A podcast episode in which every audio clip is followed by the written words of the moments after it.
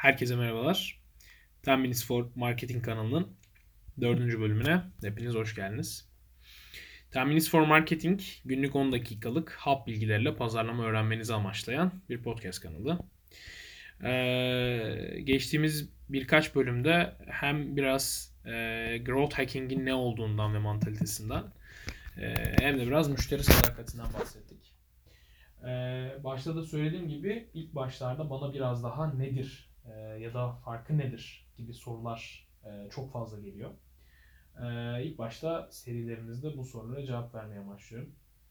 E, bugün de aslında pazarlama ve satış arasındaki farkı anlatacağım. Benim en çok anlatmayı sevdiğim aslında şeylerden bir tanesi. Çünkü çok doğru bilinen bir yanlış var. Yani pazarlama means that satış gibi e, algılanıyor. E, aslında aynı minvalde e, ölçeklenebilir bir e, departman ikisi de bak bakıldığında ve ikisi de aslında nihai olarak e, bir paraya odaklanıyor, bir keşe odaklanıyor.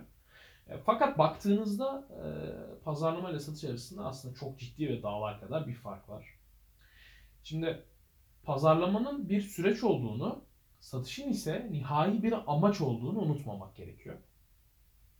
Pazarlama aslında şöyle bir süreç. Bir ürünün müşteri taleplerine, bir ürünün pazar boyutuna, bir ürünün pazardaki rekabetine bakılarak ürün geliştirilmesinin yapılması, yapıldıktan sonra alınan geri feedbackler koşulu ile erken aşama early adapter, erken benimseyicilere bu ürünün iletilmesi, yeniden feedback alınması ve sonrasında erken benimseyicilerden daha fazla kişi ulaşılması geri feedbacklerin alınıp sonrasındaki süreçte bunun daha iyi bir şekilde referans olabilecek kişilere ulaştırılabilmesi için gerekli kaynakların bulunması. Akabininde belli yatırımlar yaparak reklam çalışmaları veya belli growth hacking çalışmaları yaparak ürünün massive growth'a ulaştırılması ve ürünün karlılık oranının arttırılmaya çalışılması. Bunun adı pazarlamadır. Satış dediğimiz şey ise var olmuş bir ürünün, hali hazırda ortada olan bir ürünün kullanıcıya veya tüketiciye, o ürünün kullanıcısına veya tüketicisine bir çeşit bir takım yollar ile ulaştırılması ve de ödemenin geri alınması demek.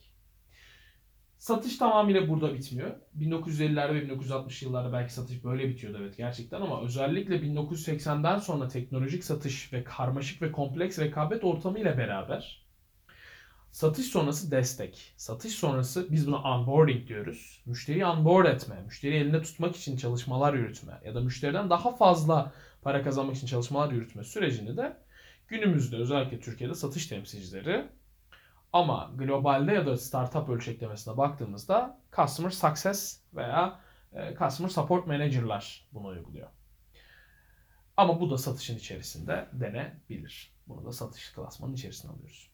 En nihayetinde günün sonunda satışçı veya satış dediğimiz sistem hali hazırda var olan bir ürünün kullanıcısına birileri tarafından belirlenen kullanıcılara ulaştırılmasını ve ödemenin geri alınmasını ve sonrasında da müşteriye gerekirse bir kez daha satması ya da müşteriyi elde tutması ya da o ürünü kullanabilmesi için müşteriyi onboard etmesi yani yönetmesi anlamına geliyor. Baktığımızda pazarlama çok uzun bir süreç iken satış bunun çok küçük bir parçası. Evet günümüzde profitable yani kar edebilir şirketlerin ana temel amacı para kazanmak elbette. Biz zaten bunu net bir şekilde savunuyoruz. Fakat baktığınız zaman pazarlama dediğimiz sistem ürünün ta başından itibaren dağıtım kanallarına, ambalajlama sistemlerine, hangi hedef kitleye gitmesi gerektiğine, ürünü rakiplerinden daha farklı nasıl konumlandırması gerektiğine, erken benimseyicilerin kim olması gerektiğine veya satış departmanının hangi kanallar aracılığıyla ulaşması gerektiğine veya devam ediyorum, ürüne eklenmesi gereken yeni özelliklere product departmanına vermesi, bunların feedbacklerini alabilmesi ve toplaması, dijital veya geleneksel kanallardan reklam ve bilinirlik çalışmalarının yapılması ve marka kuvvetlendirmesi gibi daha pek çok alana aslında pazarlama departmanı bakıyor.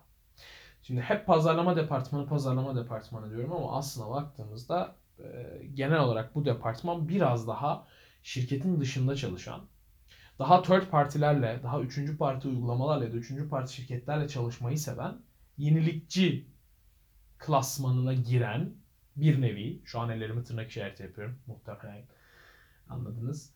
Ee, yenilikçi klasmanına giren ya da kendini öyle tabir eden bir departman olarak görüntüleniyor. Şimdi bunlar çok büyük şirketler için böyle. Peki gelelim biraz daha küçük ölçekli işletmeler ya da startuplara. Onlarda bu süreç nasıl ilerliyor? Ee, zaten bir girişime başlamanız demek pazarlamanın ilk aşamasını yapmışsınız. Yani markette bir boşluk görmüşsünüz demektir. Sonrasında ilk önemli olan şey hedef kitleyi belirlemek. Business model kanvasının temel öğelerinden bir tanesi. Hedef kitlenizin kim olacağını belirlemek ve onlardan gidip e, doğru feedbackler alıp ürününüzü geliştirmeye başlamak. Bir problem üzerine çıkarttığınız çözümü doğru bir noktaya getirmeye çalışmak. Bu aslına baktığınızda biz startup camiasının kuruluş ve erken aşama ya da çok erken aşama fikir aşamasındaki girişimler için geçmesi gereken süreç olduğundan bahsediyoruz. Ama en nihayetinde bu aslında bir pazarlama metriği. Çok büyük firmalar da yeni ürünleri çıkartacakken aha aynı bunu yapıyorlar. Örnek veriyorum P&G yeni bir lüks deterjan markası çıkartmaya çalıştığında ya da yeni bir çay markası çıkartmaya çalıştığında aynı süreçlerden geçiyor. Önce bir pazarda boşluk buluyor, bir fikir ya da bir problem buluyor. Bu probleme bir çözüm üretmeye çalışıyor ve bunu en iyi şekilde erken aşama müşterilerini bulup onlardan feedback alıyor. Startuplar satışa biraz daha geç gelmeye başlıyorlar. Çünkü pazarlama süreci inanın çok uzun sürüyor. Startuplarda her zaman product'ı yürüten bir kişi, iki kişi, üç kişi, birkaç kişi olabilir. Ee, pazarlama yürüten kişi product'a gerekli feedbackleri ileterek product'ın yürümesini sağlıyor ve product yürüyor. Şimdi girişimcilik sürecinde satış çok önemli çünkü ciro kaynağı elde etmeniz gerekiyor. Az önce bahsettiğim şey satışın belki de bir tık daha geri plana atıldığı ve satışı biraz daha böyle basit bir şeymiş gibi anlattığım süre çok çok büyük şirketler için. Yıllık belki de birkaç milyar dolar, birkaç milyar TL ciro yapan şirketler ee, az önce söylediğim büyük e, departmansal problemler ya da bir departmansal sistemlerle çalışıyorlar denebilir. Ama girişimciler pazarlamanın şu, pazarlamada şunu öngörüyor. Doğrudan satış odaklı pazarlama yapmak istiyoruz biz. Çünkü oradaki esas amacımız aslında belli bir nakit akışının ya da belli bir ciro akışının içeri girmesi. Şimdi ana temel öğe girişimcilikte ya da erken aşama girişimlerde doğru pazarlamayı yapabilmek. Ürünü doğru bir şekilde kurguladık, ürünü doğru bir şekilde ulaştırabileceksek zaten emin olun satış gerçekleşiyor. Girişimcilerde gördüğüm en önemli şey satışı sanki eğer B2C isem digital growth, B2B isem face to face satacağım ya da mikro B2B isem yine digital growth ile satacağım gibi 3-4 farklı channel'a diziyorlar. Yani satış kanalına diziyorlar.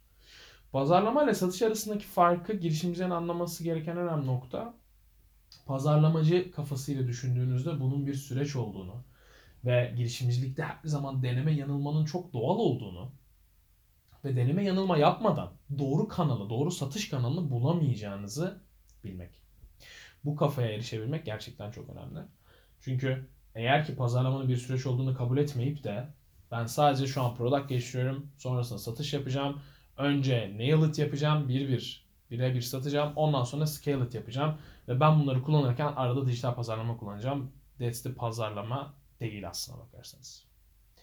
Günümüzde pazarlama kafasına girebilmek zaten girişimcilik yapabiliyor olmak demek ya da girişimci olmak demek.